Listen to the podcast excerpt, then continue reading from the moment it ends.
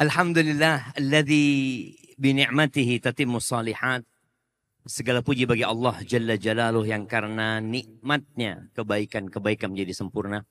Ana bahagia sekali ya bisa hadir di sini, bisa berjumpa dengan bapak-bapak, saudara-saudara, ibu-ibu, saudari-saudari yang kalau bukan karena Allah memudahkannya kita tidak akan pernah bisa berjumpa. Abdika wa rasulika sayyidina wa maulana Muhammadin wa ala alihi wa ashabi ajma'in amma ba'd. Kalau bicara keberkahan rizki Zat ya. Masya Allah, kalimat berkah ini insya Allah kalimat yang sangat familiar ya. Bahkan masyarakat muslim secara umum, mereka punya sebuah ungkapan yang sering kita dengar Ndak popo yang penting barokah. Walaupun dia dapatnya sedikit, tapi dia selalu mengatakan nggak apa-apa yang penting berkah. Kalau enggak kadang-kala anak cari berkahnya aja. Apa sih kalimat berkah itu artinya? Berkah itu artinya anumu wa ziyadah ya. Berkembang dan bertambah. Jadi sebuah kebaikan yang berkembang dan bertambah itu namanya barokah. Maka kalau bicara berkah dalam rizki, Bagaimana yang antum miliki itu nambah dan tumbuh berkembang. Seorang ulama memberikan contoh ya. Ketika engkau punya gaji, anggap 20 juta sebulan. Banyak apa dikit? Banyak mungkin. Tapi boleh jadi itu banyak nggak berkah. 20 juta itu anaknya sakit masuk rumah sakit. Mobilnya turun mesin. Orang tua punya hajat anak kita ada urusan di sekolahan ini itu. Duit itu habis. Ya. Sedangkan ada orang yang gajinya cuma 3 juta cukup. Itu yang perlu kita lihat sekarang. Duit kita berapa sih? Kalau ternyata kita punya gaji yang sebenarnya orang sebelah rumah sama kebutuhannya zaman Ustaz. Dan gaji dia lebih kecil dari Ana, tapi cukup Ustaz. Ana harus utang ya, Ana harus ini, harus itu. Akhirnya uang yang banyak itu nggak barokah. Karena habis tidak memberikan manfaat. Maka hendaklah kita sadar ya. Bahwasanya Allah bisa memberikan kepada kita musibah seperti yang Allah kehendaki. Mobil tabrakan bisa. Nggak mungkin, mungkin. Makanya ada orang mobilnya bagus ya maaf. Tapi ternyata harus naik mobil yang ngangkut mobil itu. Ana sampai pernah ngomong sama istri Ana, ya Allah ini mobil baru ini. Iya. Tapi ada orang mobilnya lama, ndak rusak-rusakan. Motornya lama, ndak rusak-rusakan. Bujuni alhamdulillah, ndak nuntut macem-macem. Nah, itu barokah Ustaz. Jadi kalau antum punya duit gaji 20 juta, tuntutan istri 21 juta, kayaknya perlu ganti istri antum. Kan tidak cukup duitnya. Bayangkan punya 20 juta tuntutannya 21. Itu akhirnya tadi menyebabkan nggak barokah. Yang kita miliki itu nggak berkah. Barakallahu fikum. Masya Allah. Ustaz, uh, apa Ustaz? Uh, tadi disebutkan berkah itu kan an-numu wa zakah wa, ziyada. Bertambah kan Ustaz ya. Berarti kalau istri nambah berkah Ustaz. Oh. Gimana Bapak-bapak setuju Bapak-bapak? Ustaz, gini Ustaz. Oh ya. Antum boleh jadi Ustaz. Gimana? Nambah, iya, nambah, tapi tidak baik Ustaz. Berarti nggak berkah Ustaz? Nggak berkah, badai. Piringnya pecah. Tapi kalau nambah baik. Motor diobong. Nggak barokah itu Ustaz. Jadi kalau nambahnya, nambah kebaikan, makanya ada ada yang nambah berkah, ada yang nambah adab. Nah, antum dengar jamaah ya tidak semua yang nambah itu berkah loh ya. Jadi harus diperhatikan ini. Taib. Uh, Gimana? Enggak, Ustaz mau nambah maksudnya. Ada yang satu Ustaz, tapi barokah Ustaz. Kayaknya aneh yang itu Ustaz. Oh Alhamdulillah. Satu barokah Ustaz, ya, Alhamdulillah. Alhamdulillah, Masya Allah. Ah itu pengertian berkah ya jamaah ya. Nanti tolong dicatat ya. Insya Allah nanti ada uh, pertanyaan nanti ada door prize-nya. Enggak ini ada atau tidak ya. Saya tidak di briefing sama panitia ini. Ya insya Allah ada lah. Kalau nggak ada nanti biar panitia yang carikan ya. Taib. Barakallahu fikum. Baik insya Allah ada Ustaz. Insya Allah ada. ada. Insya Allah ada. Taib. Nah Ustaz, kita kembali ke tema kita Ustaz. eh, kunci keberkahan rizki dalam keluarga bahagia? Mungkin bisa diterangkan Ustaz. Seperti Iya. apa? Masya Tafadhol. Allah, barakallahu fikum. Ahibati fillah, entah berapa belas tahun yang lalu ya. Ana baca buku ini. Buku ini Ana baca bahasa Arabnya ya. Judulnya Mafatihur Rizki. Kunci-kunci rizki. Fi dhaw'il kitab was sunnah. Yang sesuai dengan arahan Al-Quran dan sunnah. Ketika Anda baca buku ini, Anda melihat ternyata banyak dari kaum muslimin yang berpikir bahwa mencari rizki itu hanya dengan bekerja. Makanya istri bantu suami cari rizki itu berarti istri harus kerja. Bayangan mereka seperti itu. Maka setelah Anda baca buku ini ternyata banyak kunci-kunci rizki yang istri bisa membantu suaminya tanpa dia bekerja. Maka itu pentingnya kita belajar. Tatkala Allah Azza wa Jal menurunkan Nabi Adam, Hawa ke muka bumi ini, Allah itu pesan. Kata Allah, fa imma ya'tiyannakum minni huda. Faman ittaba'a hudaya fala yadhillu wa la yashqa. Kata Allah, apabila datang kepada kalian petunjuk dari aku, maka barang siapa yang mengikuti petunjukku, dia akan dapat dua. Dia tidak akan tersesat dan tidak akan menderita hidupnya. Maka dalam bab mencari rizki, orang itu juga perlu lihat buku petunjuknya seperti apa. Ya'ti ala nasi zamanun la yubali bima akhad. Akan datang satu masa di mana orang nggak peduli lagi dia dapat rizki dari mana. Amin halalin amin haram. Apakah dari cara yang halal atau dari cara yang haram? Makanya terus terang nanti harapan anak kalau kita bikin seminar atau daurah kayak gini itu ya apa orang-orang pasar itu perlu ikut daurah. Makanya kalau anda lihat wajah-wajah ini wajah-wajah yang sudah yang sudah ngerti, yang sudah faham ya seperti itu. Bagaimana kita menyampaikan kepada para pekerja itu bahwa banyak kunci-kunci rizki yang tidak harus keluar keringat.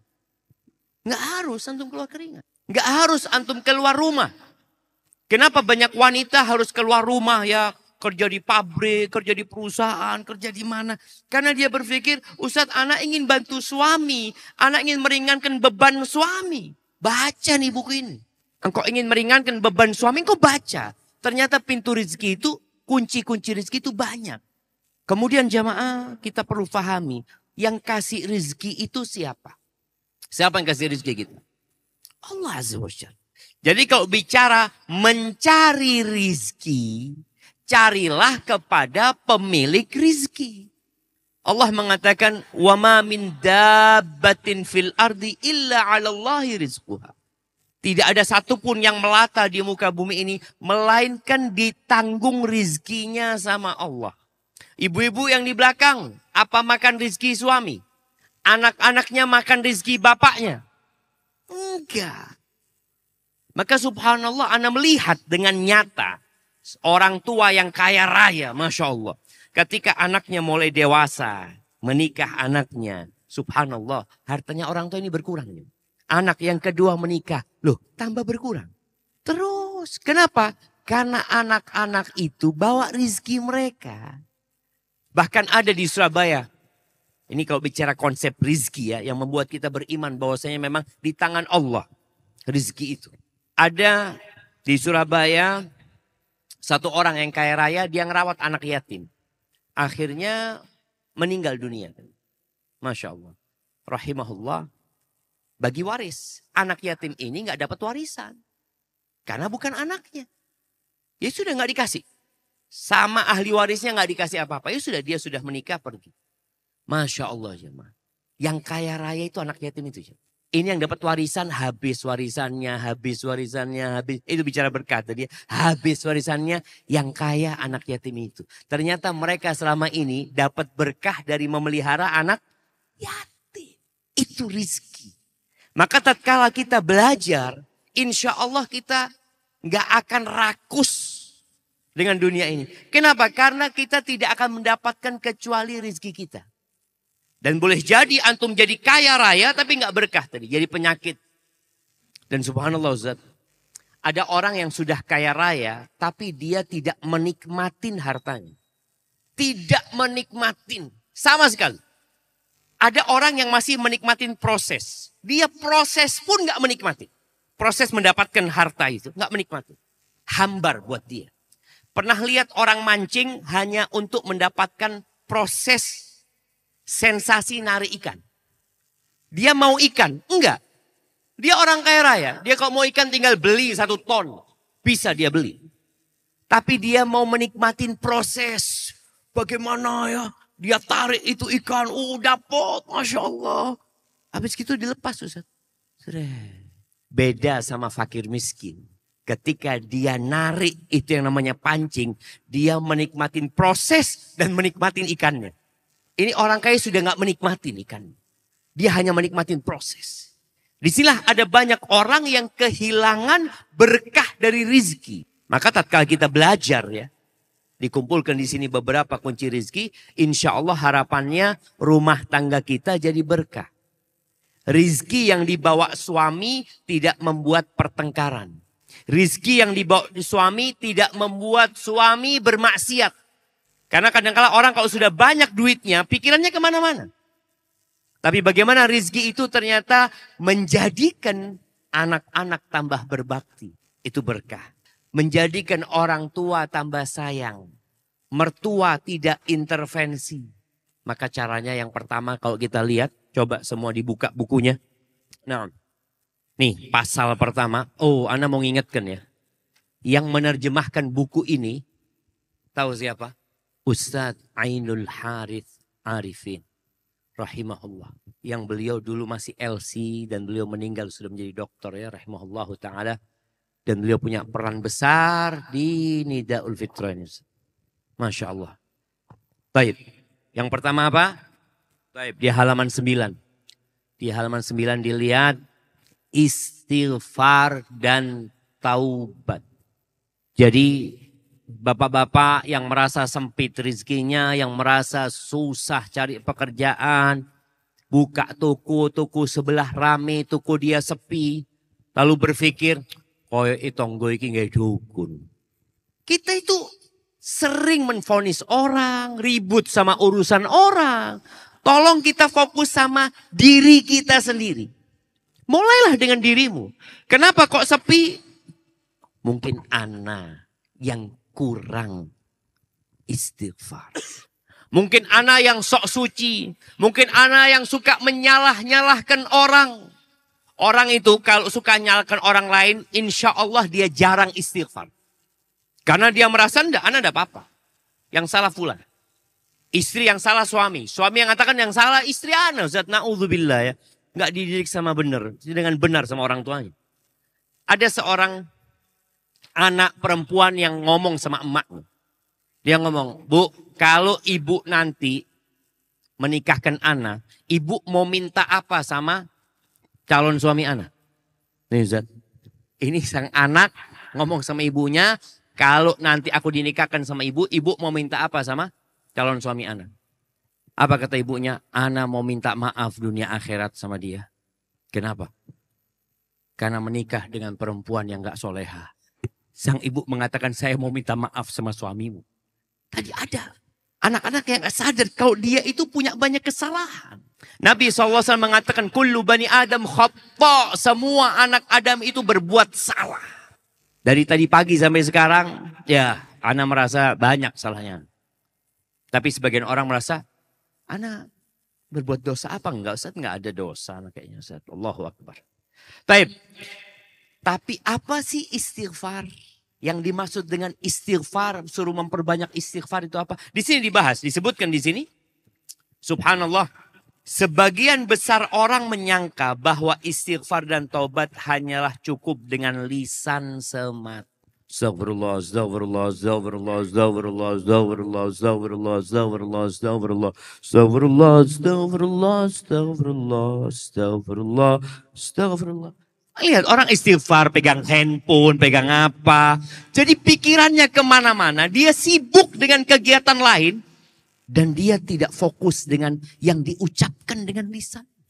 Rasulullah Sallallahu Alaihi Wasallam sekali duduk beliau mengatakan Rabbil firli wa tub alayya innaka antat tawwabur rahim seratus kali dihitung sama sahabat seratus kali Nabi SAW tapi ingat bukan hanya dengan lisan tetapi kalimat-kalimat astagfirullah wa atubu ini tidak membekas di dalam hati juga tidak berpengaruh dalam perbuatan anggota badan Sesungguhnya istighfar dan taubat jenis ini adalah perbuatan orang-orang dusta. Antum bohong istighfar. Antum pura-pura istighfar. Orang tua yang kelak di surga. Dia mendapatkan derajat yang tinggi. Dia tanya, Annali hadha, gimana aku kok dapat posisi seperti ini dari mana gitu. Karena dia tahu sama amalannya, nggak nyampe ke sini. Maka dikatakan kepada orang tua ini, bistighfari waladika laka. Itu gara-gara istighfar anakmu buat engkau. Ketika antum mengatakan Rabbighfirli wali walidayya warhamhuma kama rabbayani saghira, tolong hadirkan hati antum. Antum sedang memohon ampun kepada Allah Azza wa Jalla. Sedang bertaubat dengan ucapan tersebut. Ar-Raghib Al-Asfahani menerangkan ini dalam istilah syarak. Taubat adalah meninggalkan dosa karena keburukan. Menyesali dosa yang telah dia lakukan. Berkeinginan kuat untuk tidak mengulangi. Dan berusaha melakukan apa yang bisa diulangi, yang bisa diganti. Itu taubat. Ada hal yang kita tinggalkan. Ya Allah, harus diganti. Nggak benar anak waktu itu berbuat itu. Ah, diganti. Ada yang berkaitan dengan antum ngambil ngambil apa ya? Ngambil gorengan di warung, ngambil tiga bayar dua. Antum ganti. Lu Ustaz, cuma gorengan Ustaz, 500 Ustaz. Hitungan di akhirat itu jamaah. Bukan 500. Tapi sen di bawah, sen zarrah. Semut kecil. Maka syarat tobat di sini Imam Nawawi menyebutkan syarat tobat itu ada tiga menyesali, meninggalkan, bertekad untuk tidak mengulangi. Kalau ada urusan sama orang lain, antum harus minta maaf. Di sini disebutkan ya, Masya Allah. Ini ada dosa yang banyak kita lakukan tapi kita lupa. Apa kata Imam Nawawi? Di halaman, tetap halaman 10 ya. Di bawah, di alinea terakhir. Jika taubat itu berkaitan dengan manusia, maka syaratnya ada empat. Ketiga syarat di atas dan keempat hendaklah ia membebaskan diri memenuhi hak orang tersebut jika ber, jika berbentuk harta benda atau sejenisnya maka ia harus mengembalikannya. Jika berupa had, hukuman, tuduhan atau sejenisnya, maka ia harus memberinya kesempatan untuk membalasnya. Atau meminta maaf kepadanya. Jika berupa ribah, menggunjing orang. Antum mau istighfar seribu kali. Kalau syarat yang keempat tidak dipenuhin, nggak bisa. Ini berkaitan dengan hak orang. Maka di sini disebutkan jika berupa riba, maka ia harus meminta maaf. Dan riba ini termasuk dosa besar. Taib, apa dalil kalau istighfar itu bertobat kepada Allah itu membuat rizki jadi lancar. Orang ini saat banyak berpikiran rizki itu fulus. Bapak-bapak, ibu-ibu, ya Allah bicara rizki ya. Uang itu adalah rizki di tingkatan yang paling rendah. Harta itu tingkatan rizki yang paling rendah. Yang di atasnya harta itu namanya sehat. Siapa yang mau dapat door press satu miliar. Tapi pulang dari sini stroke. Ada yang mau? Nggak ada yang mau coba. Dua miliar. Mama dua miliar tapi pulang dari sini stroke. Pakai kursi roda. Maka sini nikmat sehat itu juga rizki loh. Antum nggak sakit itu rizki. Antum bisa duduk di bawah itu rizki. Dari Allah Azza wa Jal. Kadang-kadang kita anak sudah istighfar Ustaz. Tapi kok tak lihat datang-datang rizkinya.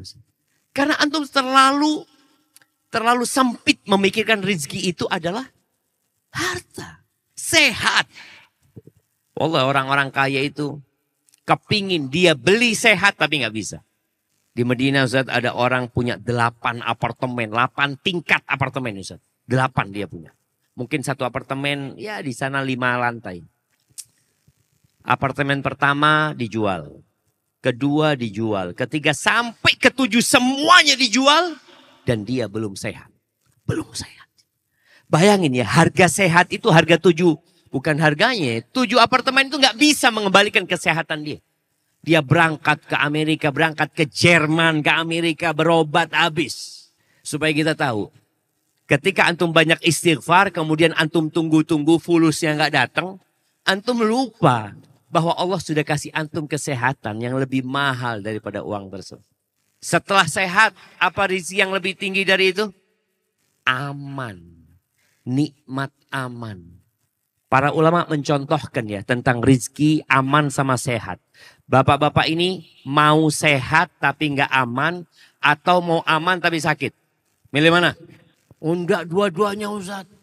Ketika kita suruh milih, kita ini dapat musibah dalam hidup ini zaman. Ada ujian yang harus kita hadapi. Nikmat sehat tapi perang Indonesia. Bom bisa jatuh di mana saja. Mau keluar rumah takut. Apa gunanya nikmat sehat? Kalau nggak ada keamanan.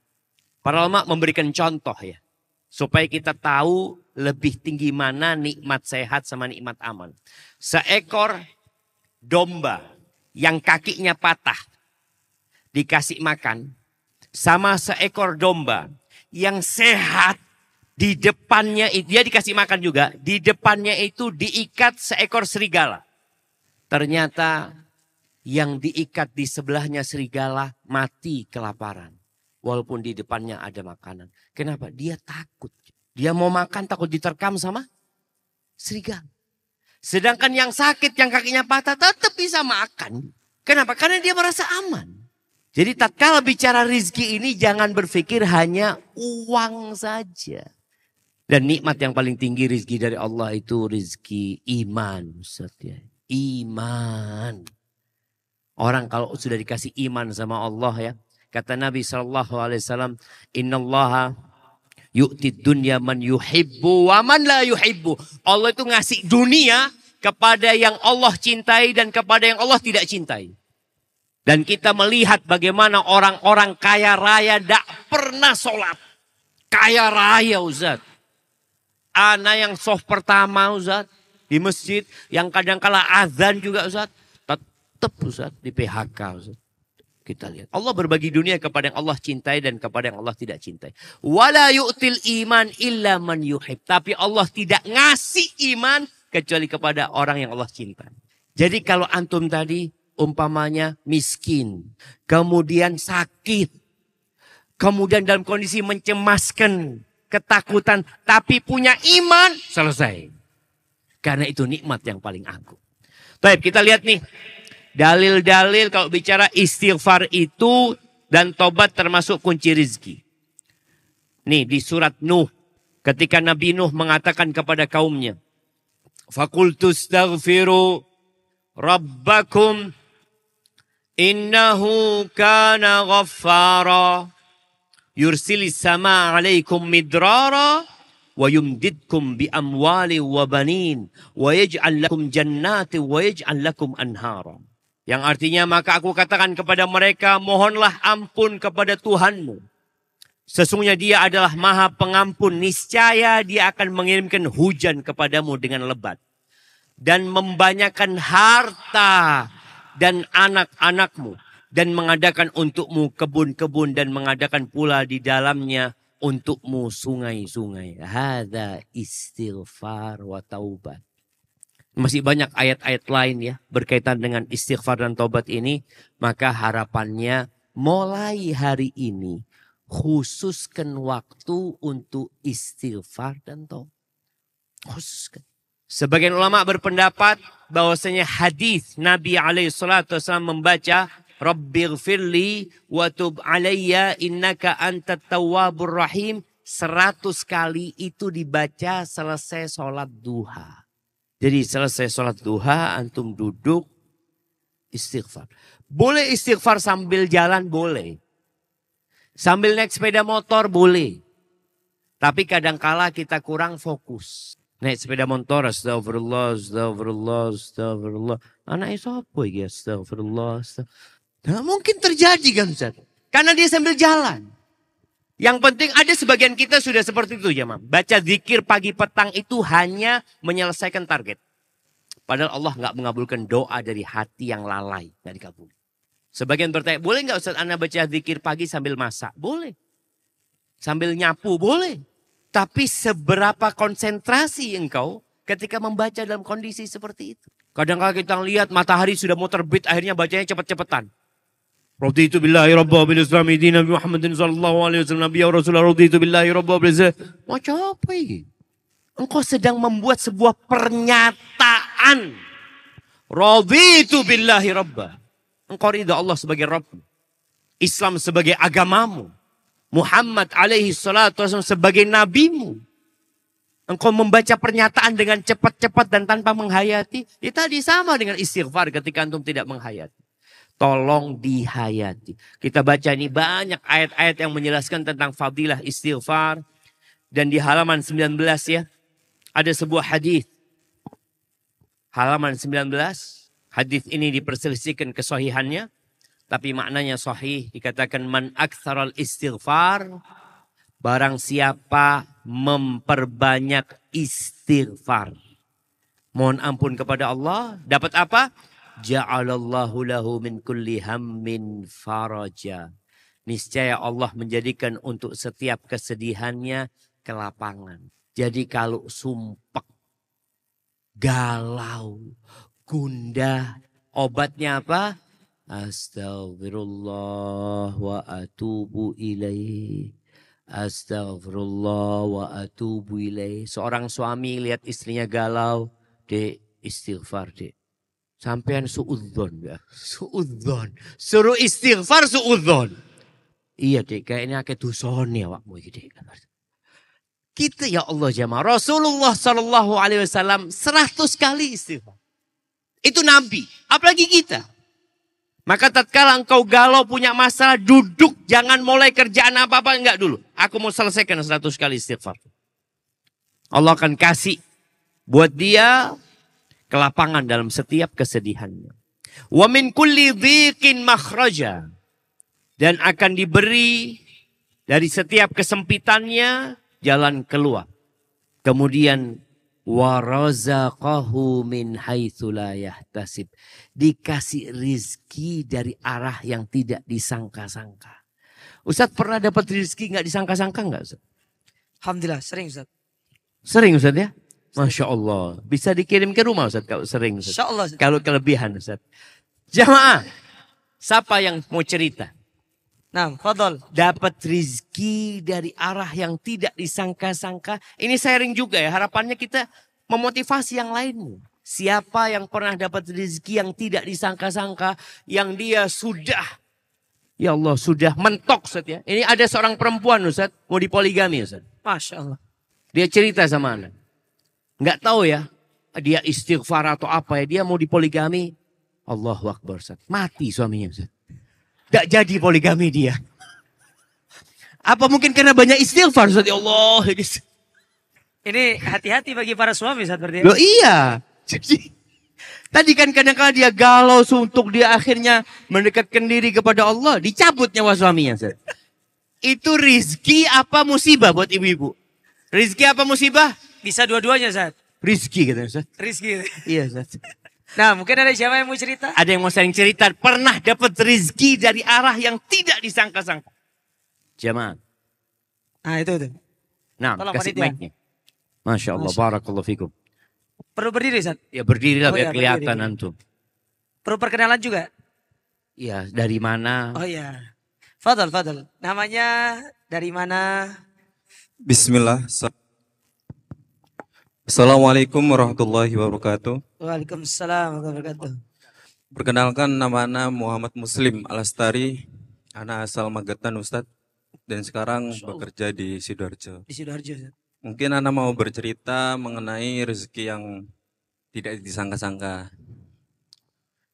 Beberapa tahun yang lalu Umi Ana ada hutang di salah satu bank Ustadz. Qadarullah kemudian mungkin eh, juga berat ya Ustadz ya. Terus kemudian banyak masukan dari beberapa Ustadz agar Allah bukakan pintu rezeki. Kemudian Umi Ana insya Allah selalu berbuat kebaikan dengan cara bersedekah maupun cara lainnya Ustadz.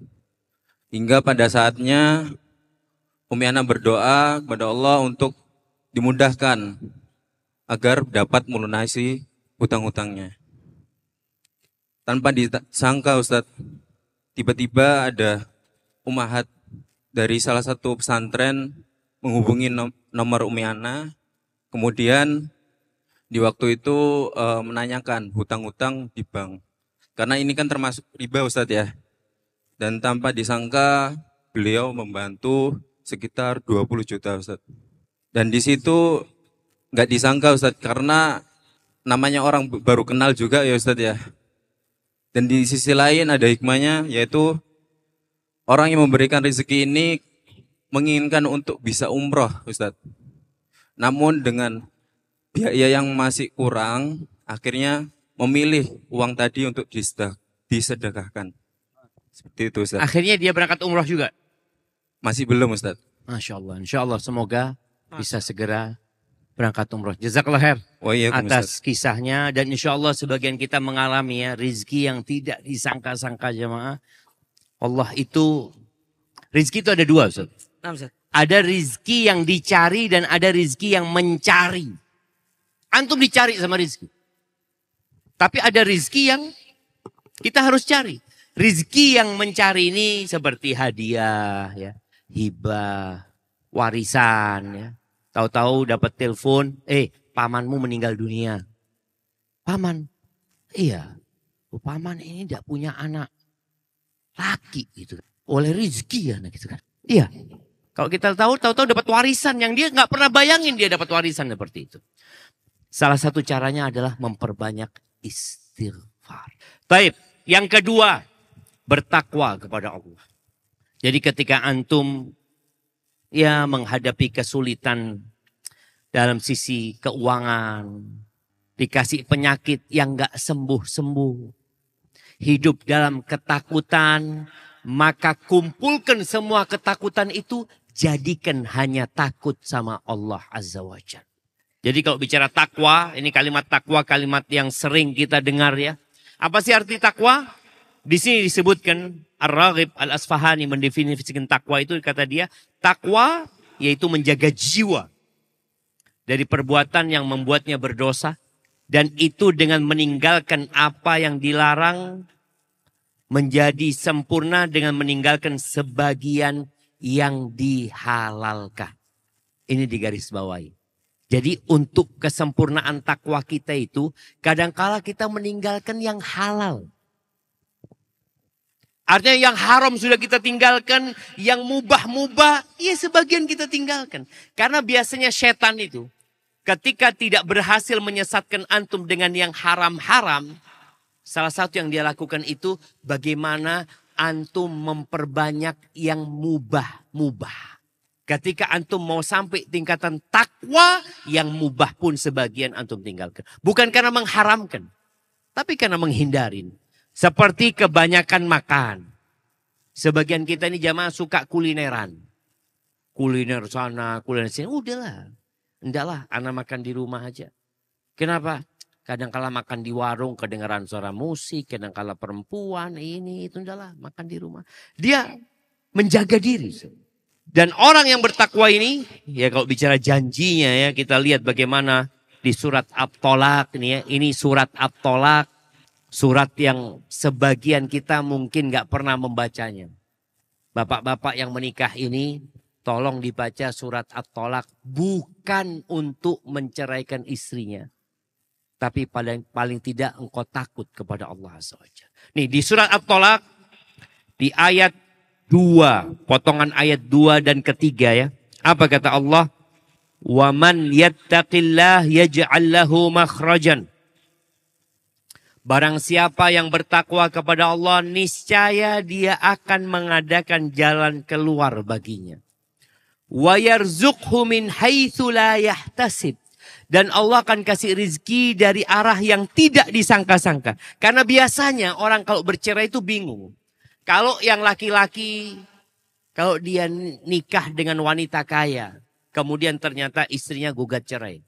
Dia mikir ya Allah, gimana hidup anak ya. Apabila ternyata yang menceraikan laki-lakinya.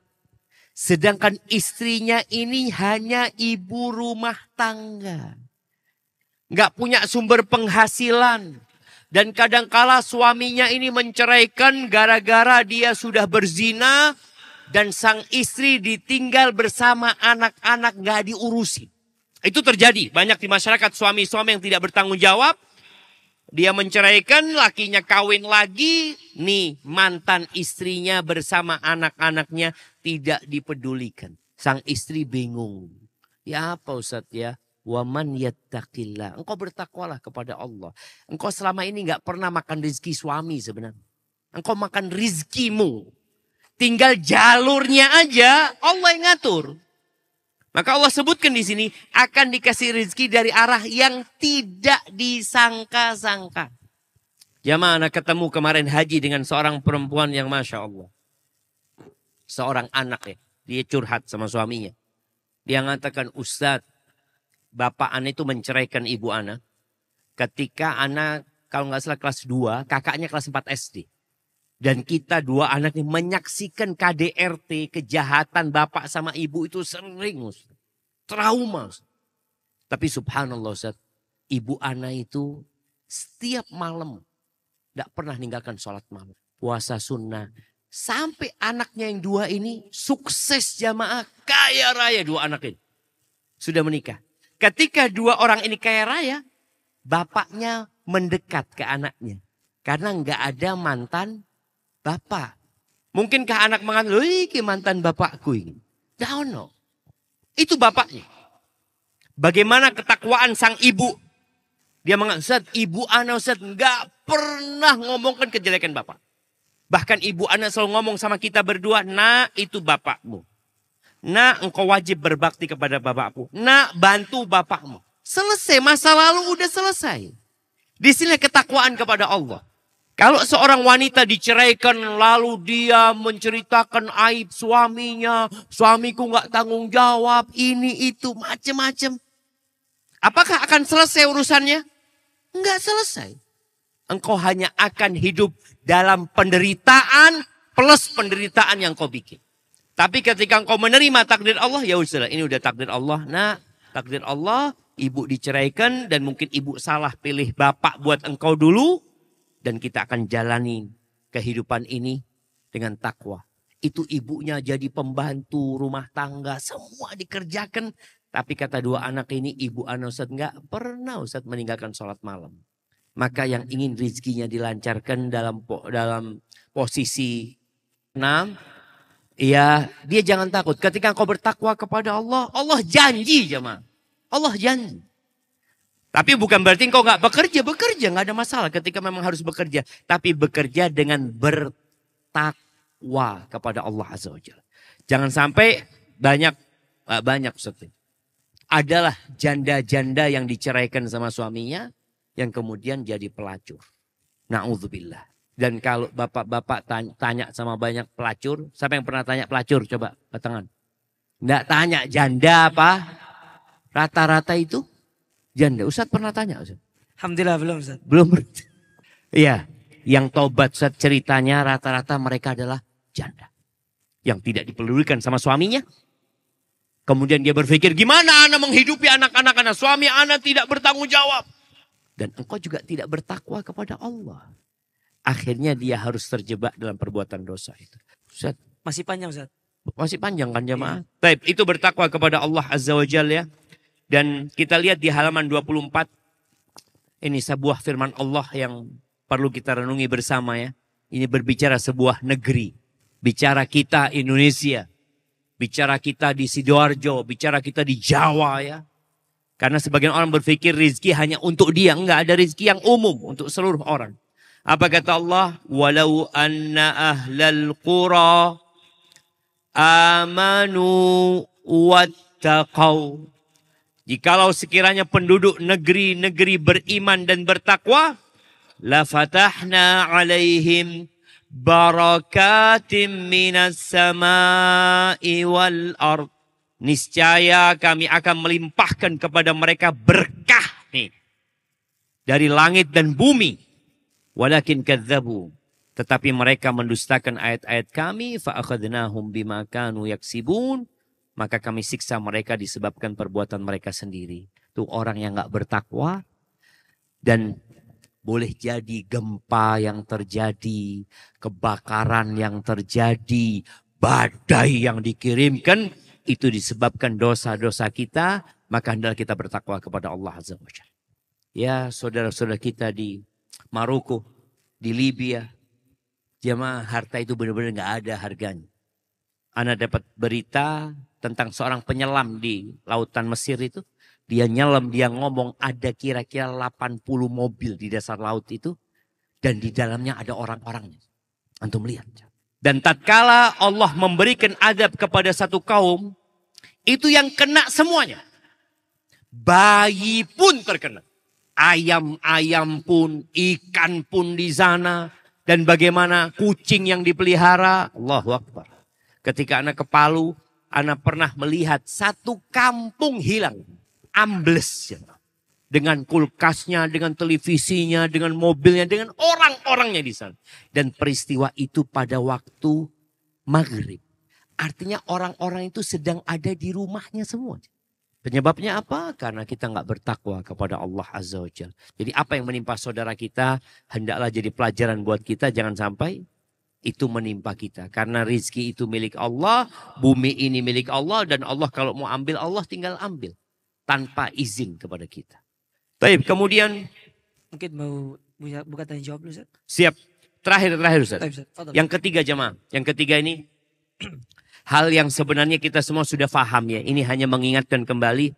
Yaitu bertawakal kepada Allah Azza wa Jalla ya. Makanya doa keluar rumah apa? Bismillahi tawakkaltu ala Allahi la haula wa la quwata illa billah. Ini orang kalau susah biasanya baca doa itu Ustaz.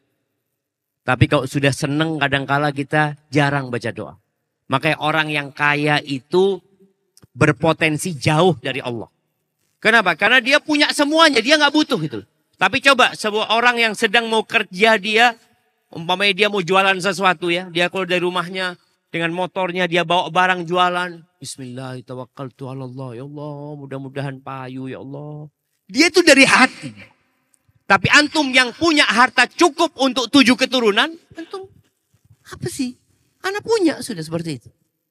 Maka bicara tawakal ini ingat tawakal itu amalan hati. Apa sih arti tawakal? Subhanallah al-Imam al-Ghazali rahimahullah berkata, Tawakal adalah penyandaran hati hanya kepada wakil yang ditawakali semata. Jadi menyandarkan kepada Allah, tidak ke perusahaan, tidak ke kawan, tidak ke tempat kerja. Oh antum kalau buka toko di sini, insya Allah rame. Loh, yang kasih rezeki antum siapa? Allah. Jadi ada orang yang tawakalnya ke tempat. Ada yang tawakalnya ke dokter, Oh aman. Loro apa? Antum berangkat ke dokter, selesai urusan. Anak ke dokter ini waras kape. Dokter. Mana Allah Azza wa Jal. Dan di sini sebutkan juga Al-Munawi mengatakan tawakal adalah menampakkan kelemahan.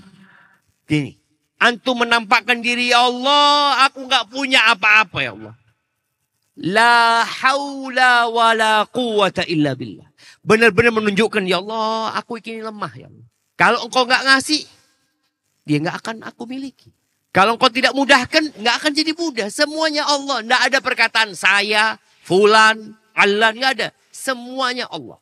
Dia menampakkan kelemahannya, kemudian serta menyandarkan diri kepada yang ditawakali, yaitu kepada Allah Azza wa Jal. Dan hadisnya, insya Allah kita semua tahu ya, hadis burung itu. Kalau kalian bertawakal kepada Allah dengan sebenar-benarnya tawakal akan dikasih rizki seperti Allah memberikan rizki kepada burung. Tagdu khimason wataruhu bitonan. Burung itu nggak ngurus ya. Ana tinggal di Jember itu. Di sekitar rumah Ana sawah semuanya. Depan sawah, kanan sawah, kiri sawah, semuanya sawah. Kalau musim padi kita melihat burung banyak. Dan burung itu dilarang makan sama petani. Digesu ya. Wow, wow, wow. Terbang. Nanti datang lagi. Masih ada padi. Subhanallah ditanemin jagung sekarang. Apakah kemudian burung itu rapat sama sohib-sohibnya? Ini akan musim jagung ya. Bagaimana kalau kita nyimpen beras? Mumpung masih banyak beras gitu sekarang ini. Tidak ada jam. Tidak ada nyimpen, tidak punya kulkas, nggak punya tabungan. Siapa yang pernah lihat di sarangnya burung itu, ono kulkas Oh, ternyata manuk ini nyimpen, tidak ada. Allah akan kasih rizki seperti Allah ngasih rizki kepada burung. Artinya tiap hari antum itu tenang hidupnya. Sang suami tanya sama istri, beras se ono? Nggak ono mas. Insya Allah kasih rizki sama Allah. Eh, serahkan sama Allah. Itu yang perlu. Dan di sini dibahas bahwasanya tawakal itu bukan berarti kita nggak bekerja. Tawakal itu amalan hati amalan hati. Jadi hati antum, walaupun antum punya uang banyak, hati antum tetap bersandar kepada Allah Azza wa Jalla. Hada wallahu alam Itu mungkin untuk sesi pertama berkaitan kita bicara tiga tadi ya. Yang pertama apa? Istighfar, bertobat kepada Allah. Yang kedua, bertakwa. Yang ketiga, tawakal. Tadi, istri jangan bersandar sama suami. Bersandar sama Allah. Suaminya pergi, dia duduk bersimpuh istighfar, minta ampun sama Allah. Mudah-mudahan rizki suaminya diberkain sama Allah Azza wa Jal. Barakallahu fiqh. Anda kembalikan ke Ustazana Ustaz Gemah. Hafizullah ta'ala. Masya Allah. Zakumullah khair Ustaz atas pemaparan dari tiga poin yang pertama. Dari kunci-kunci rezeki. Uh, sebelum saya berikan kepada para peserta untuk bertanya. Izin Anda dulu Ustaz ya. Tanya Ustaz. Fadal Ustaz. Ya. Uh, berkaitan dengan poin yang kedua Ustaz. Eh, yang pertama Ustaz. Istighfar dan taubat. Nah ini kunci yang paling utama ini. Uh, mungkin yang jadi pertanyaan anak tuh gini Ustaz. Apa ada bedanya antara istighfar dengan taubat? Mungkin kalau ada bedanya, bedanya di mana Ustaz? Mungkin bisa. Masya Allah ini ujian ya. nih jamaah. Bisa tak lulus sana Ustaz. Kayaknya ganti pertanyaan yang lainnya Ustaz. Enggak ada Ustaz. Ini pertanyaannya banyak nih Masya Allah Ustaz. Nah. Istighfar itu memohon ampun. Tobat itu mengandung makna kembali. Kembali. Engkau memohon ampun dan engkau kembali kepada Allah Azza wa Jal. Di sinilah bagaimana ketika seorang istighfar. Ada orang istighfar tapi menjauh dari Allah subhanahu wa ta'ala. Engkau kalau istighfar mendekatlah kepada Allah Azza wa Jal. Jadi seperti itu. Dan kalau kita bicara Astaghfirullah artinya aku memohon kepada Allah Azza wa Jal. Sedangkan atubu ilai aku taubat kepada Allah. Itu mengandung makna tadi engkau kembali kepada Allah subhanahu wa ta'ala. Meninggalkan dosa tersebut ya. Karena boleh jadi tadi ada orang istighfar mohon ampun tapi dia nggak tobat. Dia cuma istighfar. Astagfirullah, astagfirullah. Ana mohon ampun. Tobat belum kayaknya Ustaz. Jadi ada orang istighfar tapi dia enggak tobat. Selesai sholat antum apa yang antum baca? Astagfirullah, astagfirullah, astagfirullah. Kita memohon ampun kepada Allah SWT. Tapi kita ketika bicara taubat, maka taubat memiliki syarat-syarat yang tadi kita bahas. Nah, mungkin bisa ditanyakan Ustaz, sebutkan empat syarat taubat. Nah, di, dijawab sekarang Ustaz? Iya dijawab sekarang Ustaz. Masa besok? Ah, siapa yang bisa menyebutkan empat syarat taubat? Dari Kayaknya. Ikhwan atau akhwat Ustaz? Enggak apa-apa mak-mak. Yang banyak dosanya bapak-bapak apa ibu-ibu? Iya. Dari mak-mak. Yang mana? Yang mana Ustaz? Sebentar, sebentar. Diturunin dulu, diturunin dulu. Saya hitung sampai tiga ya. Tiga. Nah, sudah, tiga yang mana? Panitia lah yang pilih. Yang mana panitia? Nih, Masya Allah pertanyaannya banyak Ustaz. Masya Allah. Coba kita dengar dulu Zat. Nah, mana mana? Ah. Bismillahirrahmanirrahim. Uh, syarat taubat yaitu menjauhi maksiat, menyesali perbuatan maksiat, berazam tidak mengulangi lagi. Dan yang keempat, jika berhubungan dengan orang lain, wajib meminta maaf. Gimana Ustaz? Betul. Ustaz? Iya, siap. Kasih hadiah. Kasih Umroh hadiah. gratis. Ya. Berangkat bayar sendiri. Berangkatnya bayar sendiri, Ustaz. Tapi tawafnya, sa'inya Gratis, gratis. Insya Allah seperti itu. Sohil jamaah. Tidak ada orang bayar umroh itu. Nah, fadl. Ustaz. Baik. Eh, kita buka dari pertanyaan langsung dulu. Saya kasih kesempatan untuk ikhwannya yang ingin bertanya. Sayap kanan dulu. Nah, siapa yang ingin bertanya? Sebelah kanan.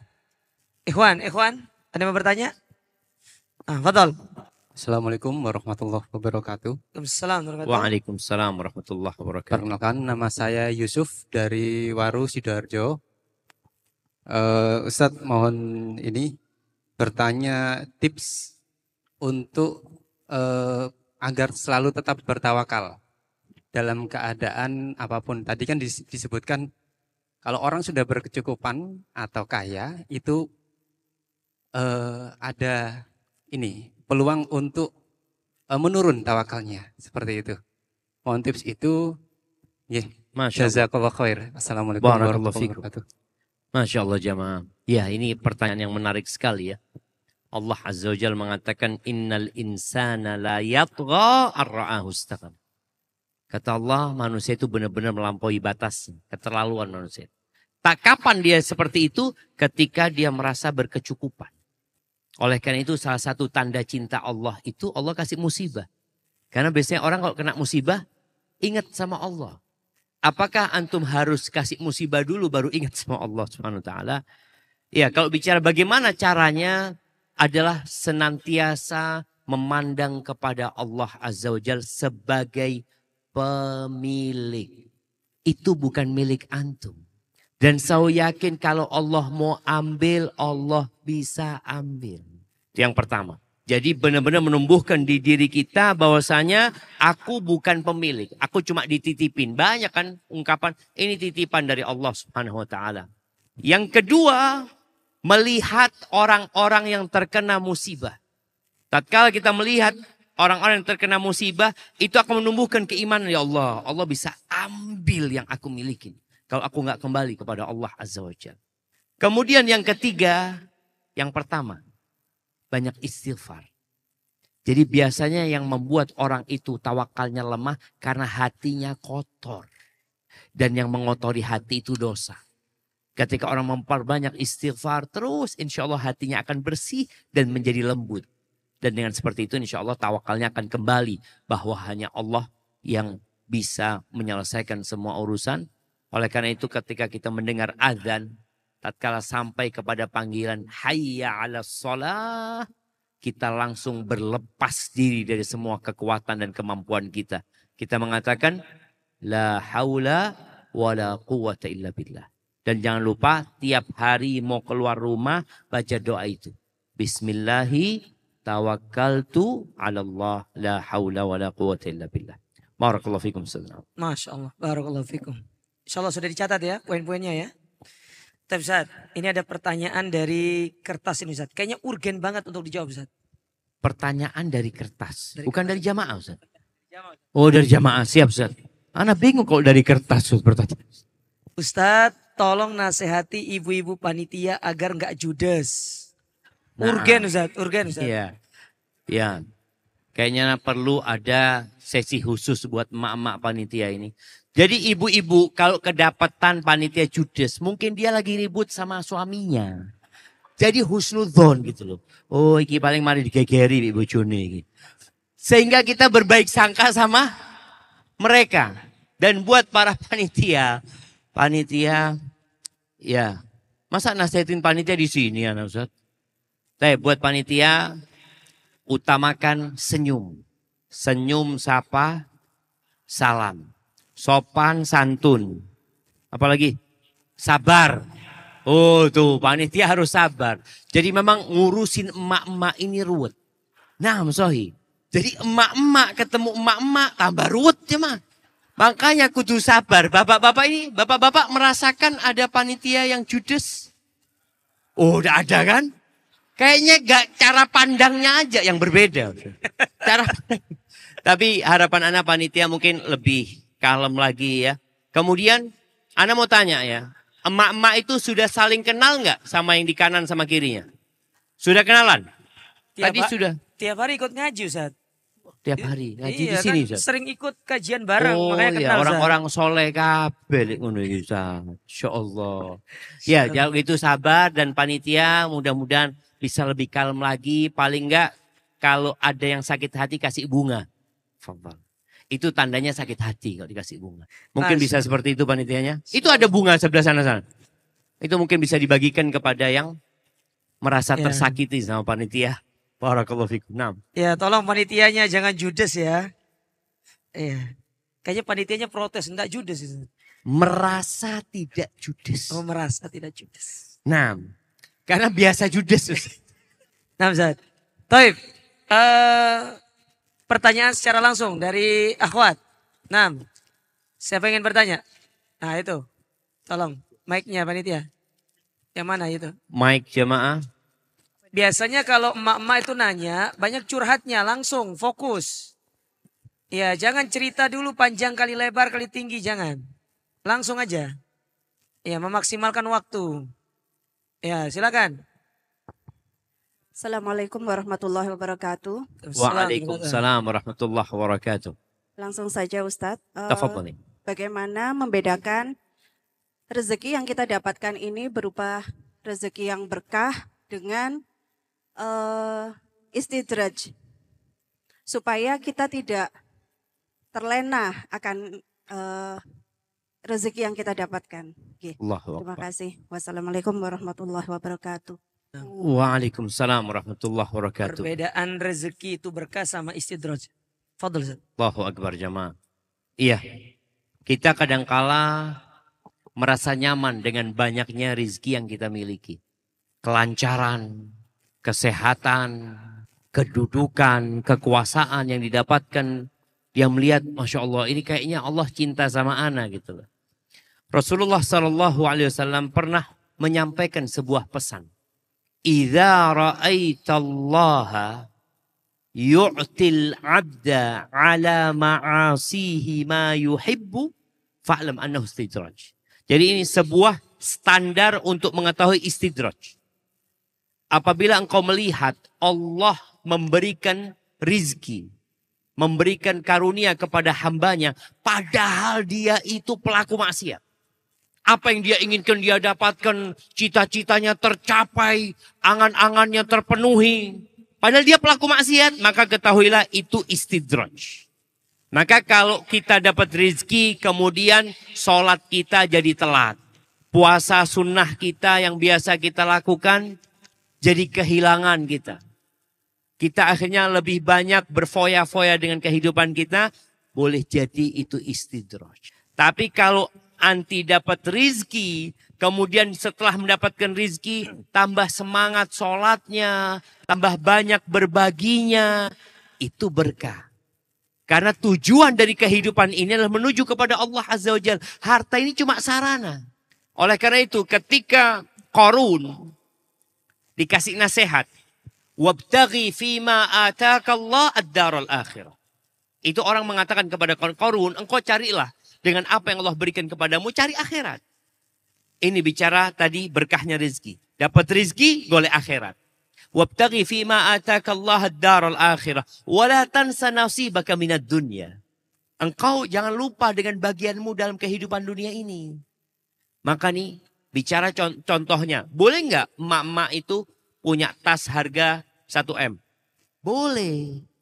Iya 1M Zat. Tapi Zat sodakohnya 2M setengah Zat. Ah gitu tuh. Dia mencari akhirat. Tapi dia dalam kehidupan ini, dia ingin. Fadol. Engkau jangan lupa dengan bagian di dunia. Tapi usahakan mencari akhirat. Jangan tasnya 1M sodakohnya 1 juta. Itu cerita ke mana-mana aja. Masya Allah. Anak kemarin 1 juta sodakohnya. Masya Allah. Tasnya. Oh 1M. Nggak banyak. Itu. Wabtaghi fima ataka Allah ad-daral akhirah wa la tansa nasibaka minad dunya wa ahsin kama ahsanallahu ilaik. Dan engkau berbuat baiklah kepada manusia sebagaimana Allah berbuat baik kepadamu. Ketika engkau dapat rezeki, uh banyak dari Allah nih. Bagaimana engkau menggunakan itu berbuat baik kepada manusia. Wala fasada fil ard. Jangan berbuat maksiat. Jangan membuat kerusakan di muka bumi ini. Innallaha la yuhibbul mufsidin. Allah nggak suka dengan orang-orang yang berbuat kerusakan. Diingatkan nih Korun, berbuat baiklah engkau sebagaimana Allah berbuat baik kepadamu. Apa kata Korun? Innama utituhu ala ilmin indi. Aku ini bisa seperti ini karena kerja kerasku, karena ilmuku, karena linkku. Udah, aku, aku, aku. Akhirnya Allah tenggelamkan dia. Maka tadi, ketika engkau dapat rezeki, puji Allah dan yakin ini Allah yang kasih, bukan karena aku. Nah, insya Allah tuh jadi berkah. Allahu a'lam. Masya Allah. Sudah bisa dipahami ibu-ibu yang bertanya? Masya Allah. Tapi ini ada pertanyaan dari kertas Ustaz. Dari kertas lagi Ustaz. Pertanyaannya, Jadi Afwan nanti panitia itu kalau nyebarkan su- hmm, kertas pertanyaan dibedakan. Yang emak-emak warnanya pink Ustaz, pink pink, Ustaz. yang bapak-bapak hitam. Yang supaya kelihatan gitu. Baik. Ustaz izin bertanya, jika memang rezeki sudah ditakdirkan oleh Allah, lalu mengapa kita tetap harus berusaha untuk mencari rezeki? Masya Allah, Masya Allah. Iya. Kenapa kita tetap mencari rizki? Itulah iman. Iman bahwasanya Allah menetapkan takdir dan Allah nyuruh kita untuk menyambut takdir itu. Kita disuruh. Disuruh bekerja. Ada banyak ayat. Umpamanya selesai sholat Jumat. Fa'idha qudiyatis sholat. Kalau selesai sholat nih. Fantashiru fil ard. Wabtagu min fadlillah. Disuruh kerja. Kalian bertebaranlah di muka bumi ini. Bukan duduk di masjid aja. Wabtagu min fadlillah. Cari karunia Allah. Nih. Tetap ketika bekerja. Aku mencari karunia Allah. Wadhkurullaha kathiran la'allakum tuflihun. Kalian ingat yang banyak sama Allah. Masya Allah. Kok ono sing rame-rame ya. Ingat sama Allah yang banyak agar kalian sukses. Jadi kalau bicara rizki itu, kita disuruh bekerja, ya udah bekerja. Ketika nanti hasilnya kita kepingin hari ini dapat duit 200 ribu. Ternyata hasilnya, oh ya Allah ternyata 500 ribu. Antum percaya, ini Allah yang nakdir. Mau 200, mau 500, kita kan punya keinginan. Masya Allah jemaah, kemarin ada jemaah haji, jemaah haji kita Ustaz. Dia cerita bagaimana prosesnya, proses dia eh, bekerja.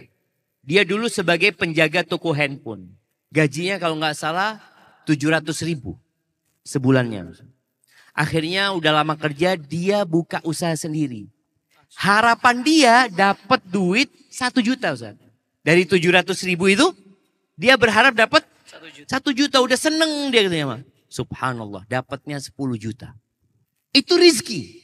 Artinya dia kan berusaha. Yang ngasih rizki siapa?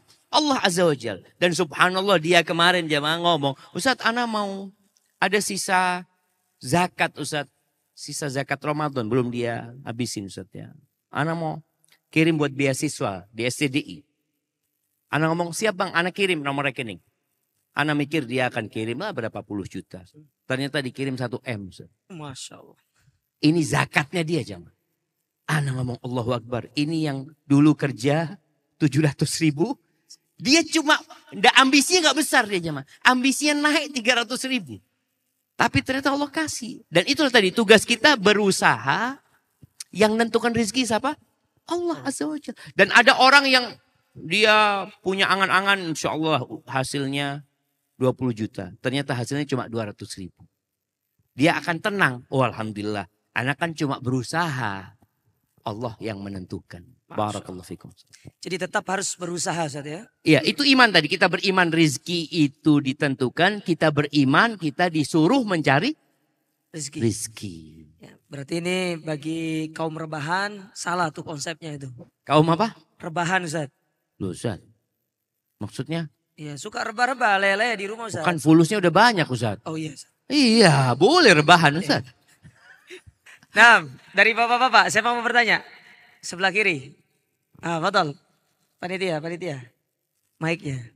Nanti setelah ini dari mak-mak. Nah mic-nya harus lebih banyak kayaknya. Bapak. Harus lebih banyak Ustaz. Nah, ini satu betul. ini. Pakai ini aja. Aman, aman Ustaz. Bismillah, tafadhol. Bismillahirrahmanirrahim. Assalamualaikum warahmatullahi Waalaikumsalam warahmatullahi wabarakatuh. Nama wabarakatuh. saya Linggar Agus dari Sidoarjo. Saya mau bertanya Ustadz, eh, kegiatan saya hari-hari itu membimbing, ya membimbing teman-teman eh, penjual pedagang gitu kan. Nah sering kali saya ini eh, mencontohkan perbuatan-perbuatan kesalahan saya yang sudah saya taubati gitu. Apakah ini diperkenan, diperkenankan Ustadz ketika saya niatkan ini untuk berbagi? Dapat, dapat. Terima Masya kasih. Allah. Assalamualaikum warahmatullahi wabarakatuh. Masya Allah, barakallahu fiik. Iya, berkaitan dengan menceritakan dosa masa lalu dalam rangka memberikan pelajaran kepada dia. Dosa itu ada dua. Yang pertama, kalau dosa itu nggak ada orang tahu, artinya antum jangan ceritakan. Antum boleh menceritakan dengan orang lain. Ini ada orang berbuat ini, berbuat itu, umpama seperti itu. Padahal antum sebenarnya. Antum mengatakan sih ada fulan nih, anak kenal banget sama tuh orang tuh. Dia melakukan ini kemudian seperti itu. Itu kalau dosa tersembunyi. Kalau dosa orang lain semua tahu, ya sudah ketika antum menceritakan memang orang ini semua tahu. Mamanya antum pelaku riba udah terkenal sama orang-orang kemudian antum bertobat kepada Allah Azza wa Jal. Artinya itu dosa memang bukan dosa tersembunyi. Dosa yang antum ingin mengingatkan kepada mereka, ana sudah tobat dari dosa itu. Maka apabila dosanya dosa tersembunyi, antum jangan ceritakan. Karena antum membuka aib sendiri walaupun antum sudah bertobat kepada Allah Azza wa Jalla. Dengan harapan kan yang penting itu bagaimana dia dapat pelajaran. Momennya ada fulan kesalahan seperti ini, seperti ini. Karena rasa kita semua pernah melakukan. Tapi ini kisah nyata. Udah antum ceritakan seperti. Tidak harus antum. Tapi kalau itu kesalahan, ada kesalahan teknis. Antum pernah ditipu sama orang, antum pernah ini, itu. Ya aman lah. Tapi bukan dosa yang tersembunyi yang antum ceritakan. Barakallahu fiik. Mungkin seperti itu. Allah Jadi tidak dengan menyebutkan diri kita Ustaz ya nama kita gitu. Bukan itu- namanya Ustaz, orang dia orangnya yang cerita Ustaz. Makanya makanya Ustaz. Iya artinya dia tidak mengatakan aku gitu loh Ustaz. Iya. ya. Bukan aku gitu loh. Berarti boleh dengan menggunakan inisial ada fulan pernah Iya. gini. Antum katakan anak kenal sama fulan ini. Padahal antum sendiri ya. Apa antum gak kenal sama fulan. Mungkin tidak kenal sama dirinya juga Ustaz. Aduh bahaya itu. Iya ini, ini penting ya. Yang penting ber- berkaitan dengan menceritakan dosa itu tadi. Hendaklah kita berhati-hati. Barakallahu fikum. Tapi pertanyaan terakhir sebelum kita istirahat untuk akhwat nanti bapak-bapaknya untuk akhwat sebelum kita istirahat sholat ya. Betul. Mana mic-nya? Um, silakan ibu. Bismillahirrahmanirrahim. Assalamualaikum ilaikum ya Ustadz. Waalaikumsalam warahmatullahi wabarakatuh. Nah, tafadhali. Pertanyaan Ana terkait eh, dengan poin istighfar dan taubat yang mana di situ disebutkan tadi gibah termasuk salah satu dosa, dosa besar. Bagaimana caranya bertaubat atas dosa gibah sedangkan orang yang kita gibahi itu sudah meninggal. Seperti itu Ustadz. Pernah gibah terus pengen tobat Zat. Mati orang. Mati orangnya. Gimana Zat? Ya nanti akan ada sidang pada hari kiamat. Orang itu akan mendapatkan haknya. Tapi kita yang masih hidup ini apa yang harus kita lakukan? Jadi jamaah berkaitan dengan ribah ini ya. Yang Anda pernah baca. Ribah itu ada beberapa model. Yang pertama model ribah yang orang yang kita ribain nggak tahu dia diribain sama kita. Yang kedua orang itu tahu. Ada yang menyampaikan kepada dia. Jadi kalau kondisi yang pertama orang itu nggak tahu dan kalau dikasih tahu akan membuat hubunganmu jadi rusak, maka jangan dikasih tahu. Engkau tetap minta maaf tanpa menyebutkan detail kesalahanmu kepada dia. Karena dikhawatirkan ketika anti sebutkan akhirnya dia memutuskan hubungan. Cinta berubah menjadi kebencian, bahkan menjadi permusuhan. Maka hendaklah melihat maslahat ini. Tapi kalau enggak Ustaz Sohib Ana ini, insya Allah Ana kalau Ana sampaikan kepada dia, dia tetap memaafkan. Ya sudah minta maaf sebutkan Sohib Ana pernah ribain ini itu. Dan beberapa orang itu pernah datang kepada Ana jemaah. Dia ngomong Ustaz Ana minta maaf Ustaz. Ana sering ribain Ustaz, sering maki Ustaz ini itu sebelum tobat. Dia kata, Ana minta maaf Ustaz ya. Apa Ana katakan, aku tidak maafkan engkau. Ana maafkan lah, ada urusan lah. Seperti itu. Tapi biasanya kalau sahabat dekat itu kadangkala jadi Musuh. jadi musuh. Jangan sampai. Artinya cukup minta maaf kepada dia, Ana minta maaf ya. Lahir batin, atas yang pernah aku lakukan yang disengaja dan tidak sengaja umum. Itu seperti. Tapi kalau dia itu tahu pernah kita ribain, maka kita datang minta maaf. Karena dia udah tahu. Dia tahu kita pernah gibain tapi dia tidak pernah tahu kita minta maaf sama dia. Berarti kita harus datang kepada dia meminta maaf. Gimana kalau sudah mati? Kalau sudah mati doakan. Doakan dia, berbuat baik untuk dia. Kemudian kalau engkau pernah menyebutkan keburukan dia, maka rubah di tempat yang engkau pernah menyebutkan keburukannya, sebutkan kebaikannya. Ini untuk membalas tadi keburukan yang disebutkan sama engkau. Insya Allah mudah-mudahan kelak pada hari kiamat ketika di sidang engkau sudah impas. Artinya sudah selesai dosamu ketika dia nuntut ternyata engkau sudah bertobat kepada Allah dan engkau sudah menebus kesalahanmu dengan memuji dia dan menyebutkan kebaikannya. Hadza wallahu a'lam Itu tadi yang kita gibahi perlu diajak makan juga nggak Ustaz? Diajak makan, Biar dia bisa memaafkan kita itu. Ustaz. diajak makan kemudian biar dia yang bayar gitu. Ustaz. Bisa jadi. Nggak apa-apa jemaah. Artinya tadi kita itu kadang-kadang minta maaf itu dengan segala cara ya. Ustaz dia nggak mau maafkan anak Ustaz. Antum bawa kirimkan makanan kepada dia. Ditolak Ustaz. Anak kirimkan makanan. Iya. Antum kasih anting, emas. Insya Allah nggak dibuang sama dia. Jazakallah khair. Kalau makanan kan mungkin dibuang Ustaz. Soalnya dia diet Ustaz. Masya Allah. Nah, Baik, barakallah. barakallahu fikum Ustaz. Jazakumullah khair atas jawaban antum. Baik jemaah, insyaallah ini sesi pertama sudah sudah selesai. Kita istirahat dulu.